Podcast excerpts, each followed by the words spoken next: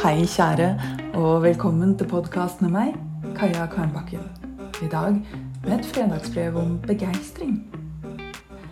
Er det rart å bli lykkelig over å oppdage at oversettingsprogrammet du bruker, har en mobilapp, sånn at du kan oversette på bilferie, i stedet for å spille mobilspill når det blir stille? Er det rart å begynne å gråte over utsikten fra togvinduet når du kommer opp på Hardangervidda for første gang på et år? Er det rart å synes at skjærene har den aller vakreste låten når de skvaldrer til hverandre under reirbygginga? Er det rart å bli takknemlig for at det er varmt nok til å gå barbeint, og få følelsen av det grove gulvteppet under fotsålene?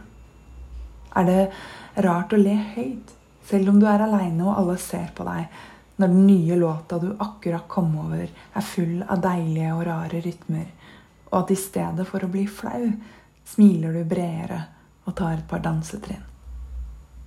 Hvor ofte lar du deg begeistre over små og store ting i livet?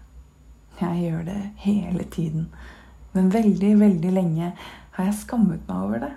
Tenkt at det gjør meg mindre seriøs, mer gal. Nå tenker jeg at det er bedre å være gal enn å ikke la seg begeistre over denne rare kloden vi bor på. Bedre å være gal enn å være plassert bedre å elske inderlig enn å holde alt på en armlengdes avstand. Måtte helgen din fylles av vidunder. Vi høres. Stor klem. Din Kaja.